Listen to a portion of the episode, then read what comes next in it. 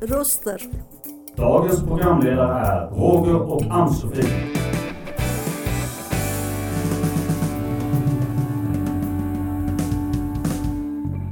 Dina röster i vardagen.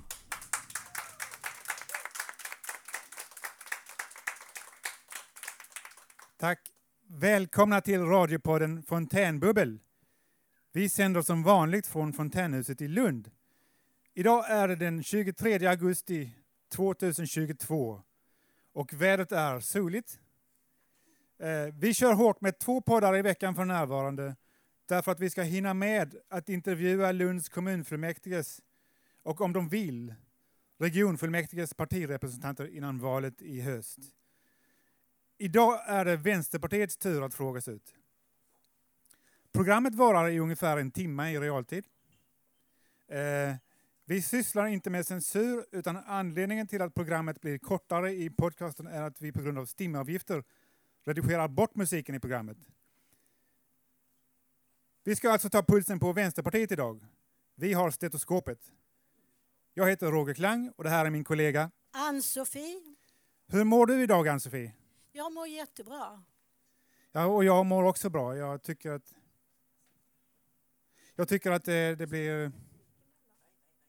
Ja, det, det ska nog ordna sig. Nu, ska jag, nu har jag fått den stora äran att presentera våra kära gäster som är Jesper Salén och eh, du sitter i miljö och hälsoutskottet och du är ord, ordinarie ordförande i utbildningsnämnden.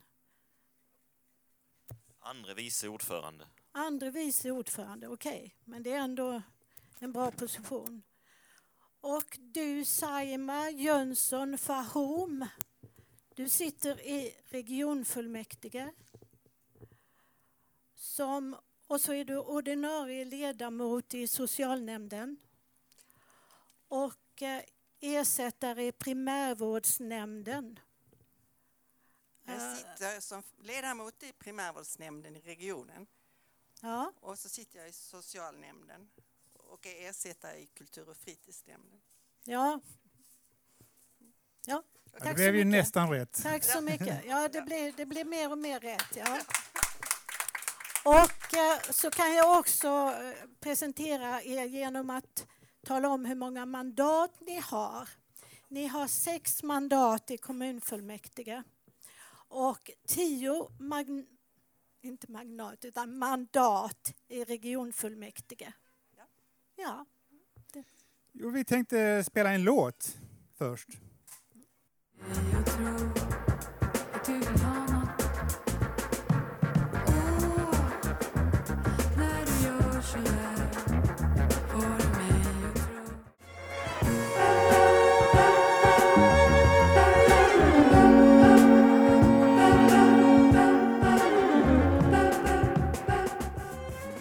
Ja, eh, då går vi väl rakt på sak här idag och vi ställer en fråga till eh, Vänsterpartiet här i Lund. Eh, ni skriver på er hemsida Vänsterpartiet är ett socialistiskt och feministiskt parti på ekologisk grund. Med vår politik skapar vi ett Lund för alla, inte bara för de rika. Är inga feminister eller socialister rika? Eh, jo. Men, eh, det, men- det som är grejen med vår politik och som vi tar upp där är att det inte bara ska vara för rika och att det ska vara bättre förutsättningar för, eh, för alla i samhället och att vi vill ha ett mer eh, jämlikt, ett mer jämlikt Lund där det exempelvis inte är skillnad i skolan hur väl man lyckas beroende på hur lång utbildning ens föräldrar har exempelvis, där det finns skillnader i, i stora skillnader idag. Okej, eh, så du, du menar alltså att det ska vara ett samhälle för alla och eh, det inbegriper de rika? Och i, Ja, De rika ska också ha bra skola och bra sjukvård. Ja, Det ska alla ha. ja okej. Ja, men då... då, då Välfärden är det- faktiskt till för alla. Och välfärden som sjukförsäkringen, det är en försäkring, det är inget bidrag. Det är en försäkring som människor har bidragit till eh, genom arbetsgivaravgifterna. Och det var Anders Borg som, som tog arbetsgivaravgifterna Eh, ner i sitt svarta hål okej, och men- sanerade ekonomin. Men vi håller Det oss... ska återställas. Det, det, det är bra. Vi håller oss till vad ni vill göra och så säger vi ingenting om Anders Borg eller den gamla regeringen och så. Nej. Utan eh, vi håller oss till det konstruktiva istället. Ja, men det är konstruktivt. Ja, okej. En lång fråga här och nu måste ni hänga med i det jag säger då. Ni säger att Vänsterpartiet vill att Sverige ska lämna EU. Det enda som är svårare än att gå med i EU, är just att lämna EU. Sveriges regelverk, lagbok och samarbeten är så integrerade med EU att jag inte kan se hur det skulle kunna genomföras utan att vi hamnade i en än svårare situation än vad United Kingdom hamnade i med deras Brexit eftersom vi är ett mycket litet och exportberoende land. De enda realistiska samarbetspartner som kommer att stå till buds för oss och ta över dominansen helt och hållet över oss blir då United Kingdom och USA. Detta om vi ens överlever ett Swexit. Hur ser ni på det? Eh, alltså det här är ju ingen fråga som vi, eh, vi driver särskilt eh, aktivt skulle jag säga. Att, att ett utträde ur, ur EU och det är ju inte heller någonting som är med i den valplattformen som säger vad det är vi vill ägna oss åt under de kommande, under- de kommande fyra åren. Så. Men ni vill ut ur EU? Vi har, var- ju motståndare mot att Sverige gick med i EU och vi ser brister i, i, i, i EUs eh, organisation och vilka konsekvenser som EUs eh, politik får inom ett antal områden. Exempelvis med de höga elpriserna just nu som till stor del beror på hur, eh, hur EU har byggt upp en elmarknad som har totalhavererat. Och det kan man ju... Ja. För de, de försök att eh, återställa detta som vår partiledare har föreslagit till exempel, det, det går tydligen inte därför att EU har begränsat eh, möjligheterna till det. Eh, då undrar jag om ni har någon plan för hur vi ska kunna lämna EU med tanke på hur komplext alltihopa är. Alltså som jag var inne på så är det som sagt ingen fråga som vi driver särskilt eh, aktivt överhuvudtaget. I partiprogram så står där ofta saker som är viljeinriktning som man kanske inte driver eh, särskilt hårt just nu eller har en plan för. Eh, exempelvis så är det flera partier som, är, eh, eh, som vill avskaffa monarkin utan, att, utan att driva den frågan särskilt, särskilt aktivt. Vi vill ju också ut, vi vill ju inte heller vara med i NATO. Det är inte heller en fråga som vi driver aktivt. Vi försökte få till stånd en folkomröstning före beslutet och misslyckades med det och då, då får vi anpassa oss till situationen som den ser ut nu. Okej, då tackar jag för de frågorna så skulle du få ta över här Ann-Sofie. Då kommer vi till punkt fyra. Alltså, Punkt eh, fyra, ja. ja. Och då frågar jag dig Jesper som sitter i kommunfullmäktige. Va? Eh, och, och i eh, utbildningsnämnden som är en väldigt viktig nämnd. Vad har du för syn, eller ni inom Vänsterpartiet för syn på läget i dagens skolor? Eh, tack så mycket för, för, för den frågan. Jag skulle ju säga så här att eh, Eh, som jag var inne lite på så är den växande ojämlikheten en av de viktiga sakerna i, i, eh, som vi ser behöver förändras i skolan. Det är idag allt större betydelse vilken utbildning ens föräldrar eh, har, har för hur väl man lyckas i skolan. Och vi hade ju en gång i tiden världens jämlikaste sko jämlika skola. Men genom stora nedskärningar under flera årtionden och genom att man har infört marknadsskola så har det här raserats. Och vi vill ju, har ju tagit fram en plan på riksnivå om hur vi kan avskaffa marknadsskolan i, i, under kommande mandatperiod. Eh, och vi driver ju också på satsningar som skulle kunna öka jämlikheten. Det handlar ju om mindre barngrupper i förskolan och mindre klasser i, i grundskolan. Det handlar om att stärka elevhälsan. Eh, det, det, det, eh, den psykiska ohälsan växer och då är det väldigt viktigt att det finns en, en stark elevhälsa på våra skolor. Tack. Jättebra svar. Och, och, och lärarnas roll, hur, hur ser ni på den? Nej, men den är ju, den är ju väldigt viktig. Eh, och, eh, och, och, och exempelvis när det gäller stärkt elevhälsa så är det ju också någonting som avlastar lärarnas eh, arbetsmiljö och, och ser till att, att lärarna kan ägna mer tid åt det de är utbildade för i form av undervisning. Eh, och så, så att det, det, det är ju viktiga åtgärder och man måste ju höja attraktiviteten att jobba som, som lärare för att eh, eftersom att vi behöver ha ännu fler lärare och då måste attraktiviteten vara hög. Ja, att det är för få lärare, det, det vet vi nu vid det här laget. Men vad säger ni om att till exempel ha två personer i klassrummet, alltså varav den ena måste vara lärare och väldigt professionell lärare, men att den andra kan vara mer, eh, ha lite uppsikt på vad som händer. Är, är det en modell som ni kan tänka er innan vi får tillräckligt många lärare? För det kommer ju att dröja. Eh, det får man nog eh, alltså, titta på. Det, där, där finns ju en del sådana lösningar med elevassistenter och olika former av, av, av idag. Eh, men, men jag tror inte att vi som politiker ska gå in och säga att det ska vara en sån modell som gäller, utan där får vi nog eh, viktigt att skolan får tillräckligt med resurser och sen lämna det åt, åt, åt professionen att göra bedömning vad som är bäst eh, vid, vid, eh, vid, vid olika tillfällen, så att säga. Ja, Vi, och, eh, eh, eh, har du eh, nå- några fler frågor? För vi, skolan? Nej, du har väl sagt hur ni vill lösa eh, Då, då, problemet. vi, då tar vi en, en låt kanske, för de, ja, de tjatar på oss här bak. Ja.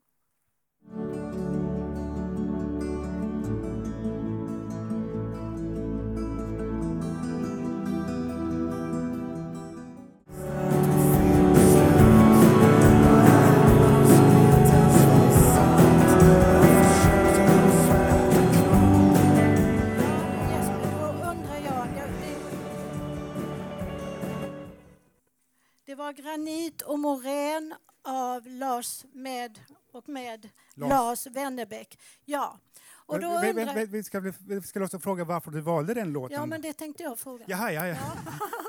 ja, så jag får lite att göra. Ehm, varför valde du just den här? Nej, men eh, jag tycker om Lars Winnerbäck som artist i allmänhet och jag ty tycker den här låten är en väldigt bra eh, skildring av, eh, av Sverige. Eh, Så därför tyckte jag att det var passande här idag. Det förstår jag. Mm. Är, det, är det min tur nu? Vi ska se, ja det är det, nummer fem. Ja. Ja, det är din tur. Du har femman och sexan, så nu är det Ja. din tur i ett bra I alla tag. fall ett bra tag här. Eh, är man rasist om man inte vill ta emot migranter av manligt kön mer?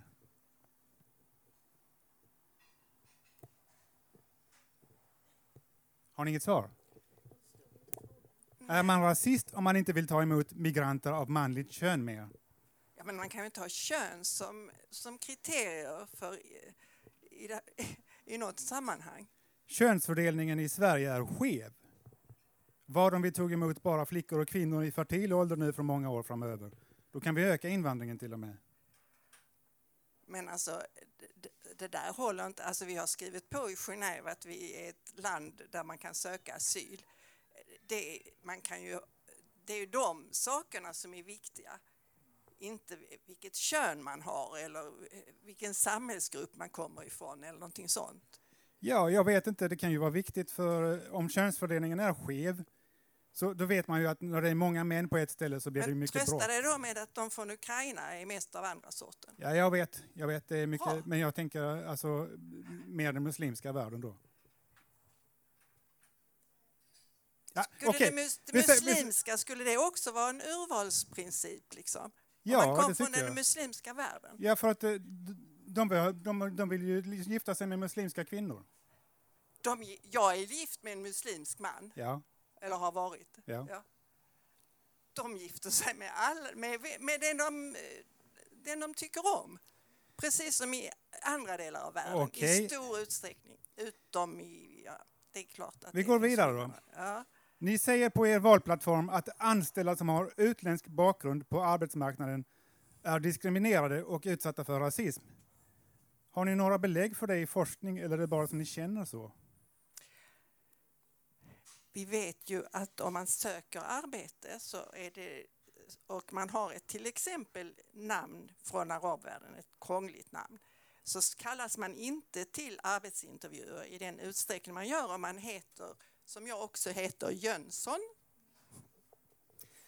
Okej, men eh, jag känner som så att det finns andra naturliga förklaringar än rasism. Till exempel det att det handlar om familjaritet bland svenska arbetsgivare oavsett om verksamhetsområdet är privat, kommunalt eller statligt. Att man väljer någon som anses vara mer lik en själv snarare än att man väljer bort någon på grund av rastillhörighet. Och eh, jag tänker att det är likadant för invandrarna då när de anställer någon i någon pizzeria och så, eller en ännu större företag. Då, då tar de väl kanske gärna någon som är från deras egen kultur. Ofta är det ju så. Man ser inte många svenskar i pizzerior till exempel. Det handlar väl om andra förutsättningar också, att det ofta är låglönearbete och, och, och sådana saker. Eh, jag vet inte, men om man tittar på historien så kan man se att det finns en optimal skattesats. Kommunistiska diktaturer har det inte gått så bra för. Och ett land som USA ser det ut att gå allt sämre för med deras nyliberalistiska finanspolitik. Var någonstans på en skala mellan 1 till 100, där 100 är fullt utblommad kommunism och 1 är libertariansk nattväktarstat, om ni vet vad det betyder. Eh, vill ni i Vänsterpartiet i Lund att Sverige ska ligga på då, mellan 1 till 100, om 100 är utblommad, fullt utblommad kommunism?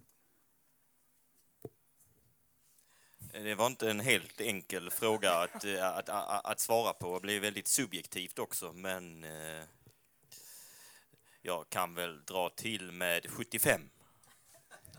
75 procent kommunism, ja men det är, väl, det är väl ett bra svar. Det har jag inget emot. Det, det är väl rätt så ärligt skulle jag tippa på. Vänsterpartiet är ju inte det parti som står längst till vänster vad jag vet. Det finns väl andra mindre partier som står längre till vänster. Eh, Ja, jo, det finns det ju. Men vi, och vi är ju inget kommunistiskt parti heller. Så att, Nej, det, det, Ja, ehm, ja, alltså i en intervju så antydde Nooshi Dadgostar att Vänsterpartiet har övergett sitt motstånd mot kapitalismen. Men så länge partiprogrammet hävdar motsatsen måste ledningen respektera det. Ja, i alla fall med anledning av detta eh, Nooshi Dadgostars inlägg eh, i TV 4 så har du eh, så har du velat markera och det starkaste mot det Jesper, visst har du? Eh, ja, Ja, alltså vad vi funderar på, vi- funderar mycket på hur Vänsterpartiet har förändrats. Alltså sen, sen 60-70-talet till exempel. Och när, när er eh, ledare eh, tycker att vi ska lämna kapitalismen och tycker att vi gärna kan åka till, eh, vad heter det nu, vad heter det dit alla reste? Ehm, ja, Thailand. Alltså så, så, så tycker jag att hon är rätt så långt från era ideal. Men alltså de flesta av oss tycker nog så här att miljön är jätteviktig. Vi tror att man måste bidra på olika sätt och det är klart att staten måste gå före och man måste göra stora miljoninvesteringar. Så. Men jag tror också att vi ska bidra själva på, på, på den nivån vi finns. Och jag tycker att man ska minska sitt köttätande och att eh, flyga. Eh, och det är min övertygelse. Eh, och, och dessutom är vi emot kapitalismen. Ja, och jag, jag är glad för det svaret, för det är så jag föreställer mig Vänsterpartiet. Och, ehm, um, alltså jag tror inte man kan lägga allt på politiken, all förändring på politiken. Utan jag tror, alltså de, de kan påverka i stort, det är väldigt stort. Men om vi som individer, alla, gör vårt, eh, ger vårt bidrag till att det blir bättre klimat så kommer det att ha jättestora påverkningar också. Alltså, så jag tycker att vad var och en gör, eh, det har också stor betydelse. Tack. Var och en efter förmåga. tack. Just. Och vi skulle vilja spela en låt. Till var och en efter behov.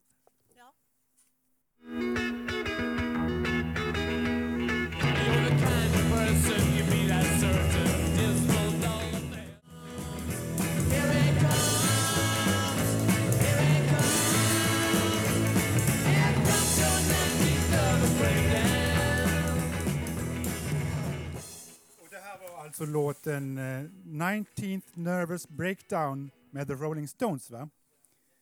Eh, jag har en fråga här till er båda då. Som är, ni, ni får lägga ut orden lite om ni vill. Om ni hade ensam majoritet i Lunds kommunfullmäktige, vad skulle ni göra annorlunda? Nej, men vi har ju ett antal saker som vi lägger fokus på väldigt mycket i, som vi vill förändra i Lund i den här, eh, i den här eh, valrörelsen. Eh, den ena delen handlar ju om skolan, om att vi vill satsa på skolan och det var det jag- som jag var inne på lite, lite tidigare här idag. Eh, och det är ju en väldigt viktig fråga för oss. Eh, skolan har ju en central del i, ett, eh, i att om man ska få till ett jämlikt samhälle så är skolan central. Det är ju också så att den psykiska hälsan bland barn och ungdomar har försämrats de senaste åren. Vi behöver en helt annan skolhälsovård. Vi behöver helt andra insatser från till exempel socialförvaltning. Eh, och där pratar man om, eller det kommer en ny lag eh, framöver där man kan gå in mycket tidigare eh, med stödsamtal och så. Jag menar, redan på, i förskolan när barnen är små så vet ju de som arbetar där vilka barn som kanske far illa. Alltså man kan komma in mycket tidigt med stödsamtal och så. Och det finns eh, verifierade, säkerställda terapeutiska eh, program för detta.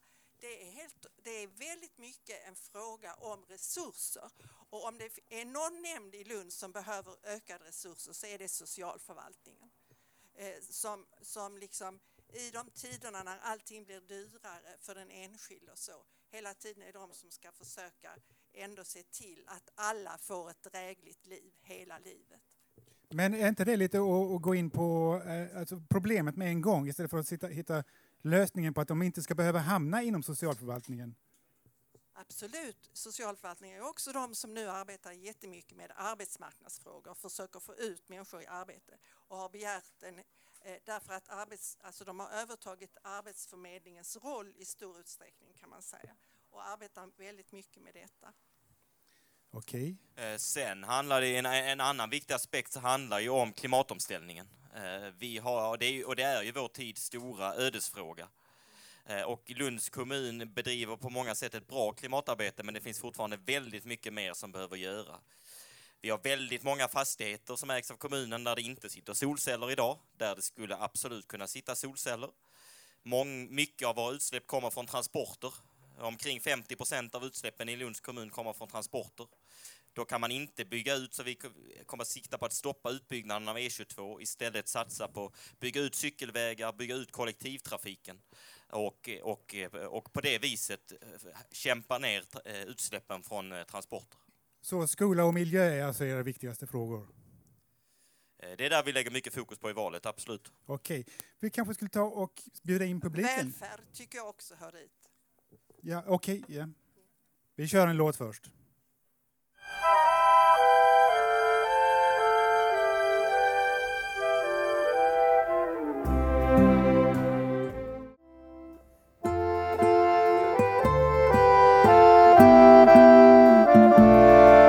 Sluta att utrota skogarnas alla djur Saima som har valt den här låten.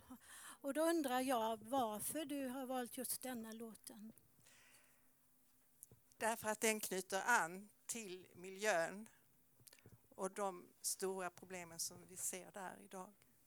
Och den gör det dessutom på ett så förtjusande sätt. Okej, vi hade någon, vi skulle bjuda in publiken här. Och vi har en person här som eh, vill komma fram. Hej, vad heter du? Hej, eh, hej, Jan heter jag. Och du har en fråga?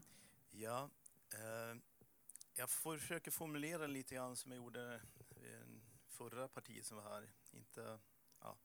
eh, när, när eh, Fredrik Reinfeldt, när han avgick, så har han skrivit en bok eh, som handlar väldigt mycket om, eh, det, jag tror det heter det öppna samhället, någonting liknande. Men i ett kapitel där så går han igenom eh, digitaliseringen och dess påverkan på samhället. Och han helt plötsligt vågar vara så pass öppen att han menar ju att det är också ett hot mot arbetstillfällen eh, men också liksom hur, hur vi ska leva våra liv på alla sätt och vis.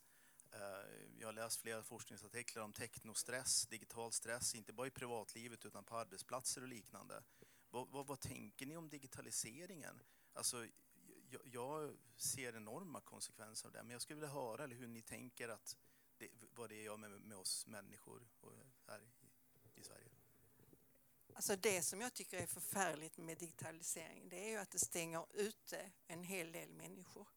Eh, och det, eh, det handlar i stor utsträckning om äldre personer som, får ett, som blir utestängda, som får ett mycket arbetsammare liv och ett dyrbarare liv. Som inte har bank-id och sådana saker. Och, eh, så att, eh, men, och sen är det ju eh, men sen måste man ju också se fördelarna med det. Jag menar, I administrativa sammanhang och så, så, så kan det säkert fungera bra. Men man måste ta mycket större hänsyn till de grupper som inte är så digitaliserade och som heller inte, det finns ju också de som inte vill vara det. Och de ska ju också ha en möjlighet att leva på samma villkor som alla andra. Jag, jag måste ställa följdfrågan, för det är liksom hotet mot att jobben försvinner.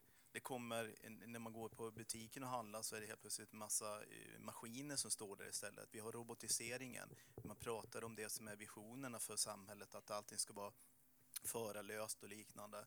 Så hur, hur ska människor, inte bara det att man där med bank-id och det som är tjänsterna som vi tillhandahåller, utan allt det som faktiskt gör att vi jag, jag känner mig främmande för mycket av det som sker i samhället. Och eh, liksom alltså, ett utanförskap som har mycket mer att göra med att några sitter och plockar ut väldiga vinster på detta. Inte bara i Silicon Valley utan vi har de svenska och europeiska företagen också som gör det. Nyliberal digitalisering kallar jag det för. Eh, har, har du någon?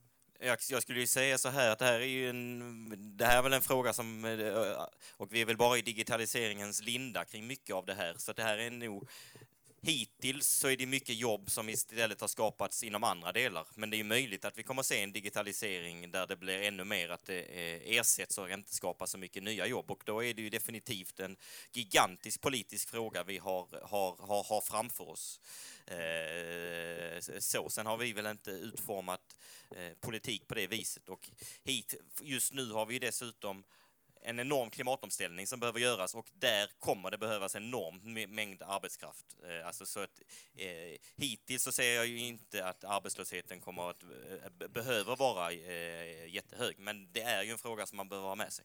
Men jag tycker att en del av den diskussion som finns om till exempel hemtjänst, där man ska ersätta eh, insatser av människor med eh, mekaniserade åtgärder, det tycker jag låter jätteskrämmande. Mm. Ja. Men det var så nu med vad, vad ni tänker om detta, för det är det jag ser också att det finns fördelar med det, men, men att det är där alla pengar stoppas i, i den tekniska utvecklingen, teknologi och liknande. Finns det någon lösning på det här med att äldre människor blir så att säga utestängda från eh, samhället, eh, får betala mer för tjänster och så? Har ni någon lösning på det? För det måste ju ändå lösas på något sätt, för det- vi går ju mot en digitalisering, vad vi än tycker och vill. Ja, men man kan ju ändå ha kvar sådana saker som att, man kan, att, man, att det ändå blir lagstyrt, att man kan betala med pengar istället för med Swish och sådana saker. Alltså en hel del saker kan man ju faktiskt, Genom lagstiftning alltså. till exempel. Okej, vi, vi hade någon eh, till här som ville komma upp. Nej, men det här var Hej, ett- hej, vad heter du? Eh, Olof.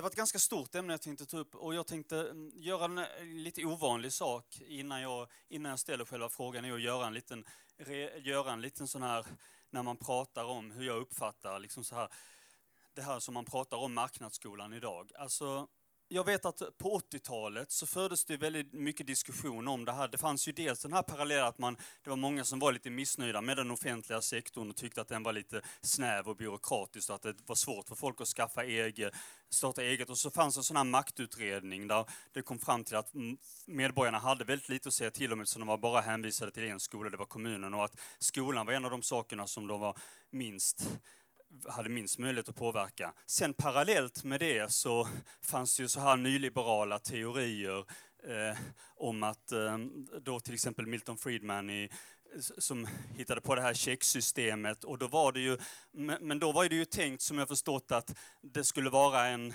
en eh, delar av kommunen, alltså kommunen, man skulle använda det på- på sätt för att uppmana folk att bli att bli kapitalister, så att, säga, att de, de fick betala en liten egenavgift men för, för, för skolan, men staten skulle stå för större delen. Och det, och det var det som den utredningen gick ut, att det var 75 procent ersättning de skulle få, eh, skolorna. Men då i regering, då, eh, sen kom senare beslut att modifieras för att det ansågs vara orättvist att det skulle skilja på barn som betalade och inte betalade. Så då höjde man det till att kom man vara överens om att den skulle vara 85 procent. Sen i efterhand så har den höjt, och det har varit under socialdemokratiska regeringar, att den har höjts till 100 procent, så kompensationen är 100 procent. Då undrar jag, är det verkligen det som, är det inte problemet här lite grann att det inte är någon risk då för, för att de inte, man, om man då, kommunen står för, he, att staten står för hela dess investeringskostnader kostnader då, parallellt med att de gör vinst. Det kan man tycka vad man vill om.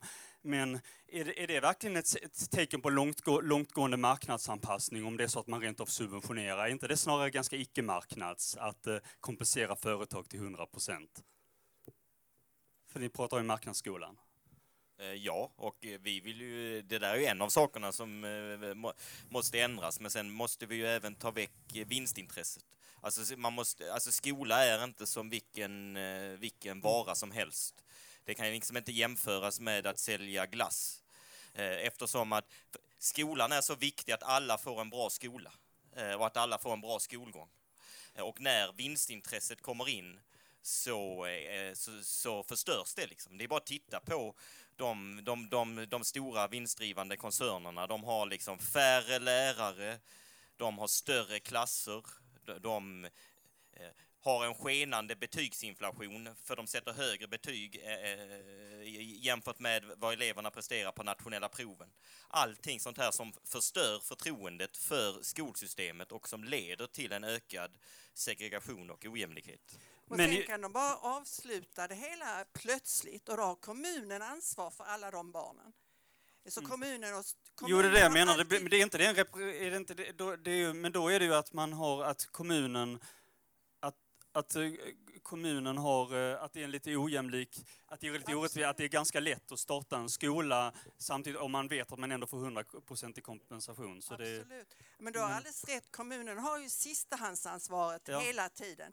Precis som regionen har sistahandsansvaret när det gäller vården. Eh, Mm. Och alla de här privata kan, eh, kan tjäna pengar där och ett- när, sen när det verkligen gäller så är det regionen som har ansvaret. Okej, vi skulle spela en låt.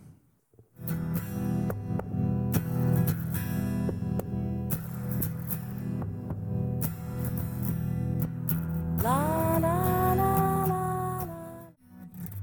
De hoppas ju på detta att innan kampen börjat vi gett oss utan strid Vi gett oss utan Okej, vi har en ny gäst här framme som, eh, vad heter du? Ingrid heter jag. Du har en fråga. Jag har en fråga. Eh, Jag skulle vilja få ett förtydligande om Vänsterpartiet, vad de menar med avtrappningen av ångestdämpande och antidepressiva läkemedel. Alltså det handlar mycket om att vi vill eh, ha mera eh, pedagogiska eller psykiatriska och psykologiska insatser. Eh, men det är klart att om man är i behov av eh, ångestdämpande läkemedel så är det självklart att man ska få det. Okej. Eh, Jo, jag har en fråga till. Jag undrar hur Vänsterpartiet vill stoppa nedskärningarna i Lunds kommun. Det är ju en fråga som vi har jobbat med under, under lång tid och som vi kommer att, att, att, att fortsätta jobba med. Eh, så. Sen har vi ju suttit i opposition eh, så och andra har styrt. Men vi har lyckades ju stoppa nedskärningarna till sist i grundskolan och förskolan. Men eh, vi, vi jobbar på inom, in, inom alla sektorer och kommer fortsätta göra det. Okej, eh, vi tänkte ställa en fråga här. Eh, nu ska vi se här. Eh, det, det var det som. Jag tänkte väl fråga hur eh, Vänsterpartiet har förändrats. Alltså det här var eh, en, en, bit, en bit av en sång som, som var populär på 70 80-talet av Wolf Biermann. Och han, han, eh, han lever fortfarande men han bodde i Östberlin, Östtyskland och jag tror han har blivit bojkottad därifrån. Han får inte vara där. Ja. Men i varje fall så, så har ju... Så, vi får inte se vad vi upplever. Men jag, jag upplever ändå att Vänsterpartiet har förändrats ganska mycket sedan den tiden. Ja, det var en hård kamp inom partiet när V försvann. Vi hette ju Vänsterpartiet innan, eller vi hette VPK, Vänsterpartiet kommunisterna. Och det var, det var, eh, det var svårt när det, när det skulle förändras. Det var en väldig kamp i partiet. Men till slut så segrade ju den biten som ville att vi skulle heta Vänsterpartiet bara och, och göra upp med den här andra delen. Vad tycker ni om det? Jag tycker det är bra. Jag har hela tiden hört till den falangen, för jag har varit med så länge i partiet så jag var ju med när denna striden fanns. Så du är en slags, eh, vad ska man säga, reformist? Det, kalla mig gärna det, som de säger i sången. Ja. Ja, det, det, det la jag inte märke till, men jag bara tänkte det. Tänkte högt. Och du, eh, du, hur står du på det? Du, Ja, det här, hela den här delen var ju innan jag föddes, men, eh, men eh, jag tycker ju att det är en bra utveckling som har, har skett. Ja, det, Jag brukar säga att jag har varit med i förra århundradet liksom. Så är det. Samma här. Japp. Hej. Jag är också... Jag är också... Jag gick med i KI på 70-talet. Och... Eh, genom historien så har det varit en massa utbrytare. Och eh, så sent som på 70-talet när vi skulle in i vår lokal så var det, hade de bytt lås. Och eh, de hette plötsligt APK, de här eh, som hade bytt lås. Eh, vi fick rätt och eh, de tynade väl bort någonstans i Hagel, heter väl han. Eh, men sen eh, så sent som på 2002 och någonting så bodde jag i Uddevalla ett tag. och var med i partiet där också. Och så sa, eh, vad heter han nu, lokföraren, så var Lars Ohly. Så sa han i radio eller tv att han var kommunist. Vilket gjorde att den alla... Det var en rätt så tung avdelning, Uddevallaavdelningen. Men den sprack. En del la av och de andra gick till Miljöpartiet. Varför blir det så här många strider? En hel del av de som nu är med i VPK eh, har ju varit eh, apk men de, många av dem har kommit tillbaka och mer eller mindre gjort avbön. Som nu är med i VP. Ja. Inte Men- VPK. Nej, Vänsterpartiet såklart. Men när det gäller Lars Ohly så hade han en alldeles eget koncept om kommunismen. Och det var ju rätt så fint. Det var liksom lite som eh, så åt alla efter behov och lite Jesus, som Jesus tyckte ungefär. Men det var ju ingenting han kunde lansera.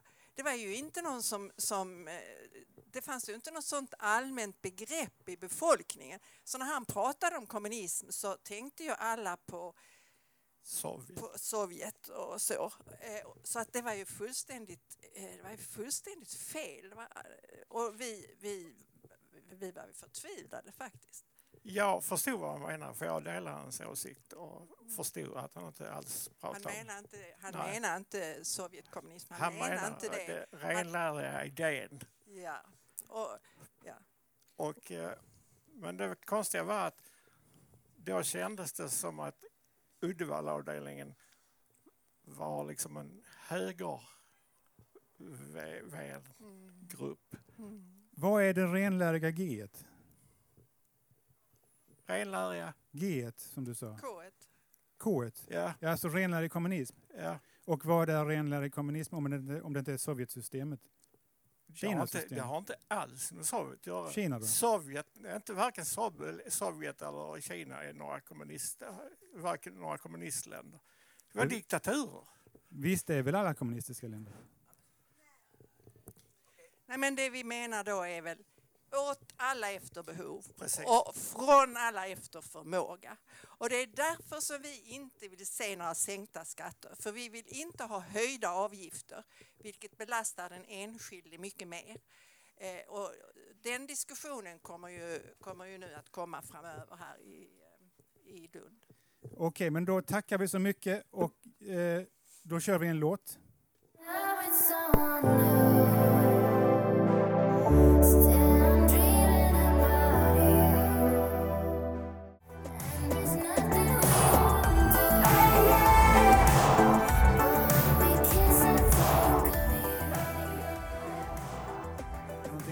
Heter? Jag heter Magdalena. Och vad du vill säga, ställa en jag vill fråga? ställa en fråga om eh, miljön. Det är så att jag tänkte rösta på Miljöpartiet, men jag undrar vad kan ni i Vänsterpartiet göra för miljön? Som inte, vad har ni för planer som inte Miljöpartiet har, som gör att jag ska välja er istället? Eh, alltså, det som vi, vi- vi, har är väl lite mer eh, klassperspektiv skulle jag säga på omställningen. Att det måste ske en, en, en, en jämlik omställning som alla får ha, där alla får chansen att komma med på i omställningen. Eh, och att det inte är så att ojämlikheten växer när klimatomställningen sker. Eh, därför kan det exempelvis inte ske en omställning genom prischocker, utan man måste, staten måste se till att, att förutsättningarna finns att leva hållbart för alla eh, invånarna i, i, i, i Sverige. Okej, då hade vi en till person här. Som, vad heter du? Irena. Säg det i mikrofonen.